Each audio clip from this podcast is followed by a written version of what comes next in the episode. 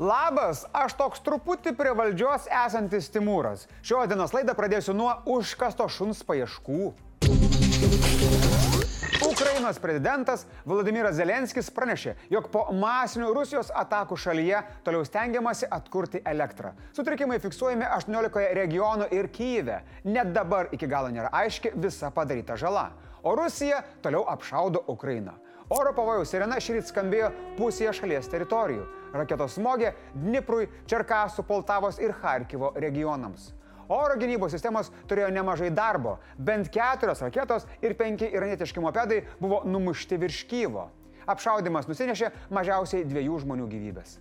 Tikėtina, kad žuvusiųjų daugės, nes Dnipro mieste viduryje gatvėje nukritusi raketa sužalojo didelį skaičių žmonių. Iškart matosi, kad Rusija smūgiuoja tik į karinius objektus. Mhm. Netyla žinios iš Hersono. Tyrėjai išlaisvinto miesto teritorijoje rado 63 kūnus su kankinimu žymėmis. Jau užfiksuoti mažiausiai 436 karo nusikaltimų atvejai. Rasta 11 kalinimo vietų, keturiose iš kurių aukos buvo kankinamos. Klasikinė Rusijos okupacija, apie kurią dar gali papasakoti ir mūsų senoliai. Tuo tarpu yra šiek tiek naujienų dėl Lenkijoje nukritusių raketų.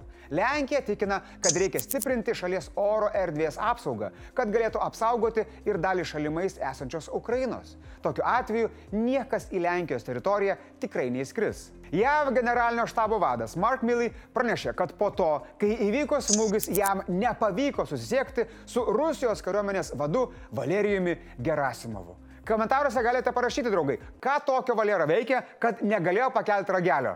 Parašykit, labai įdomu. Įdomus ginčelis vystosi tarp JAV ir Ukrainos prezidentų.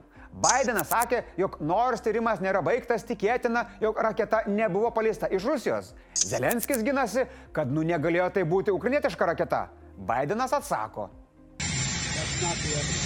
O ją valstybės sekretorius Anthony Blinkenas pareiškė, kad Rusijai tenka galutinė atsakomybė už sprogimą Lenkijoje.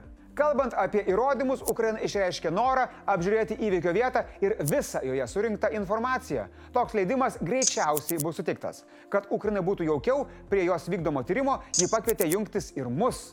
Nu, Lietuva, ta prasme, ne tik žinių komandus, negalvokit. Nors, žinant, kiek šunų yra mūsų redakcijoje, ilgai netrauktume išsiaiškinti, kur šuo pakastas. Na ir maloni žinia. Į pabaigą šį mėnesį ėjęs grūdų eksporto susitarimas tarp Ukrainos ir Rusijos bus pratestas 120 dienų. Tai va tiek to Rusijos ožiavimuose ir grasinimo, jog grūdai vėl sustos, kai mes šį susitarimą išaisim. Liūdna diena Lietuvos medicinos bendruomeniai. Naujoje Vilniuje nuo traukinio vagono elektros kabelį nutraukusi ir sovės nupurtytą paauglį gelbės paramedikas nuo patirtų sužalojimų mirė. Vakar Ladinų ligoninėje Dimitrijaus Alimovo gyvybė užgeso. Jaunuolio gyvybę dar bandoma išgelbėti. Žuvęs vyras dirbo greitosios pagalbos tarnyboje. Nelaimė įvyko, kai antradienio vakarą Koilavičiaus gatvėje ant traukinio vagono cisternos stovėjusio uždaroje teritorijoje užsilipo 17 metais. Vaikinas vaikščiodamas vagonais užkabino aukštos įtampos laidus. Jį taip stipriai nupurtė elektra, jog užsidegė rūbai, pusė jaunolio kūno nudegė. Atvykę paramedikai su pareigūnais užlipę ant cisternos vaikiną nukėlė. Tačiau vienas paramedikas užkliudė laidus, užsidegė ir nukrito nuo cisternos. Pasak Vilniaus greitosios medicinos pagalbos stoties direktoriaus pavaduotojo, visada yra tikimybė, jog nelaimės buvo galima išvengti. Ji nustebino tai, jog įvykio vietoje nebuvo atjungta elektra. Į įvykį sureagavo ir sveikatos apsaugos ministras Arūnas Dulkys. Jo teigimu, šis įvykis parodė, kad būtina didinti medikų saugumą, todėl bus imtasi veiksmų peržiūrint darbo tvarką. Nu, klasikinis lietuviškas atvejis. Kol nieko nenutiko, nieko nedarysim. Šiandien buvo antrą kartą svarstomas kitų metų biudžetas. Valdantieji nusprendė atsižvelgti į pastabas ir biudžetą patikslino. Naujame variante būsto šildymo kompensavimui papildomai atsirado 16 milijonų, o mažų pensijų priemokoms virš 27 milijonų eurų. Ir visa tai su tuo pačiu deficitu ir ta pačia valstybės skola. Kaip gintarė skaistai pavyko, aš neįsivaizduoju. Tikrai. Bet norėčiau, kad ji taip pat mano asmeninius finansus tvarkytų. Vat iš nieko. Bam ir yra. Tačiau į svarstymą valdantieji atėjo be aiškaus sutarimo, ką darys su PVM lengvata. Biudžeto ir finansų komitetas, vadovaujamas maištaujančio Majausko, turėjo iš naujo persvarsyti Šimonytės pasiūlymus. Antrą kartą šaukti posėdį buvo nutarta, nes trečiadienį, pažeidžiant Seimo statutą, į jį nebuvo pakviesta pati pakeitimus inicijavusi premjerė. Vakar, kada buvo komiteto posėdis ir kada aš privalėjau būti pakviesta, mane pamiršo pakviesti. O šiandien negalėjo atvykti ir komitetas vėl nubalsavo taip pat. Nepritarta trims Šimonytės punktams - maitinimo, sporto ir kultūros lengvatos taikymo laikotarpiui. Ar lieks Majausko galva, nebuvo aišku iki pat balsavimo. Partijos pirmininkas kalbėjo aptakiai. Palaukim rezultato, o tada spręsim. Pats Majauskas irgi toks tipo čil viską. Sakė, jei Seimas pritars jo idėjai, jis nesitrauks iš komiteto vadovo pareigų. Dabar tikrai e, nesvarstau jokių alternatyvų, koncentruojuosi į biudžetą. Taigi Seimui teko spręsti, kurį variantą palaikyti - Majausko ar Šimonytės.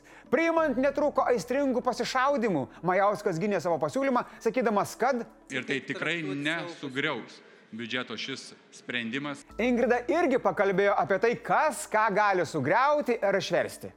Vienas akmuo bando išversti vežimą, bet, bet tas akmuo tikrai nėra tokio didumo, kad čia galima įsivaizduoti, jog dėl to turėtų sužlugti koalicija. Visgi, nepaisant aistrų ir ginčių dėl procedūrų, buvo priimtas Šimonytės pasiūlymas - in jo face Majauskai. Nei biudžetas sugriuvo, nei vežimas išvirto. Tiesa, kas bus su Majausko galva arba kėde, dar nėra informacijos. O kai bus, aišku, mes būtinai jums apie tai papasakosim. O kad nepamirštume, spauskit like šiam video dabar ir ateitis bus šviesi. Oi, prieėjome ribą, kai žmonės nebenori mokėti už 10 kvadratų dėžutę 50 tūkstančių eurų. Oi, oi, oi. Taigi būsto įperkamumo rodikliai suprastėjo. Paskutinius du metus, pernai ir šiemet, mes jau pamatėme pokytį, pokytį ta prasme, kad būsto kainų augimo tempas viršijo atlyginimo augimo tempo. Rinka taip sulėtėjo, kad pagal sudaromų sandorių skaičių grįžo į prieš pandeminį prakeiktųjų 2019 lygį. Bet nepaisant to, būsto kainos toliau sparčiai auga, o pasiūla ypač pirminėje rinkoje išlieka ribota. Būstas šiuo metu yra pervertintas maždaug 6 procentais. Jeigu nesupratot, paaiškinu. 2020 metais, norint įsigyti vidutinį būstą, reikėjo 67 vidutinių atlyginimų. Šiandien jau 75. Uf! Pasak Lietuvos banko valdybos pirmininko Gedimino Šimkaus, jei taip tęsis toliau, gali kilti nemenkų problemų, čia gražiai pasakius. Žmonės dėlse kurti šeimas. Mažėja gimstamumas, o tie, kuriems tenka taupyti stipriau, mažiau pasilieka pensijai. Didelės kainos gali priversti žmonės emigruoti, o tada jau liūdnas tango. Tiesa, Šimkus sako, kad už Atlanto jau pasirodo pirmųjų ženklų, kad kainos kiek krenta. Tad kritimas gali atkeliauti ir pas mus. Ekonomistas Žygimantas Mauricas antrina, kad jei kils palūkonos, gali kristi būsto kainos. Aišku, nereikia šokinėti iš džiaugsmo, nes Lietuvoje neblogai kyla pajamos. Tai gali būti, kad kritimas bus tik kai kuriuose segmentuose. Tai štai jums ir klausimas. Ar geriau pirkti brangesnį turtą šiandien, ar palaukti kainų kritimo, bet tikėtina turėti mažesnį pasirinkimą? Jei gintarė skaistė sutiks mano asmeninius finansus tvarkyti, tai ir šito būtinai paklausiu. Gintarė. Gintarė, kur tu? Gintarė? Gintarė?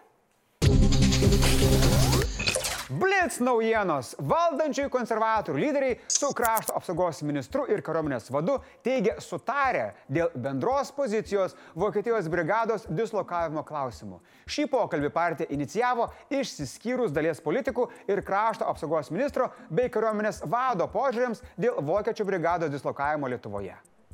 Niderlandų teisėjai paskelbė nuosprendį byloje dėl reisų MH17 skridusio oro bendrovės Malaysia Airlines lėktuvo numušimo. Rusai Igoris Girkinas ir Sergejus Dubinskis bei ukrainietis Leonidas Harčenka pripažinti kaltais dėl nužudimo ir tyčinio lėktuvo katastrofos sukelimo, o rusas Olegas Pulatovas pripažintas nekaltu. MH17 lėktuvą virš Ukrainos 2014 metais numušė rusų raketa Dombase, kuri kontroliavo Rusija. Prezidentas Gitanas Nausėda vetavo Seimo priimtas mokėjimo įstatymo pataisas, pagal kurias finansų, mokėjimų įstaigoms bei sistemų operatoriams leis atvarkyti specialius asmens duomenis. Nausėdos vertinimu įstatymui suteikiami neproporcingai dideli įgaliojimai tvarkyti asmens duomenis. Pataisos Seimui gražintos svarsyti pakartotinai. Aha. JAV Respublikonai iš demokratų perėmė atstovų rūmų kontrolę. Jie per plaukelį užsitikrino galimybės priešintis Joe Bideno įstatymų leidybos darbo atvarkiai paskutinius dviejus jo kadencijos metus. Tokiu būdu valdžia kongrese pasidalijo. Respublikonams nepavyko perimti Senato kontrolės. Sed. Kinijos prezidentas Xi Jinpingas buvo nufilmuotas, kaip kaltina Kanados premjerą Justin Trudeau nutekinant sustikimo detalės praėjus kelioms dienoms po darybų G20. Xi pasakė premjerui, kad tai yra netinkama ir apkaltino jį nuoširdumo stoka. Oi, kas prašneko. Greičiausiai Jinpingas kalbėjo apie tai, kaip Trudeau posėdėje aptarė tariamą Kinijos šnipinėjimą ir kišimąsi į Kanados rinkimus. Sakai, tariamą? O dabar užduotis vyrams. Pažiūrėkit šį video, o tada bus klausimas.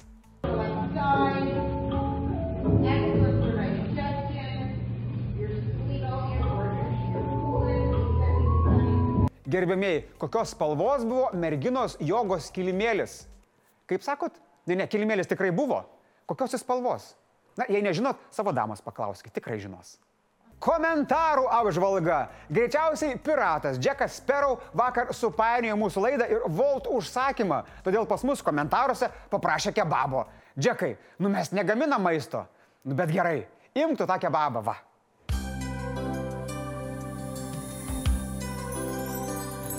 Juk negaila. Kitas komentatorius, atsakinėdamas, kokį žmogų norėtų matyti JAV prezidentu, pasiūlė mane. Tiesa, į Lietuvos, ne į JAV.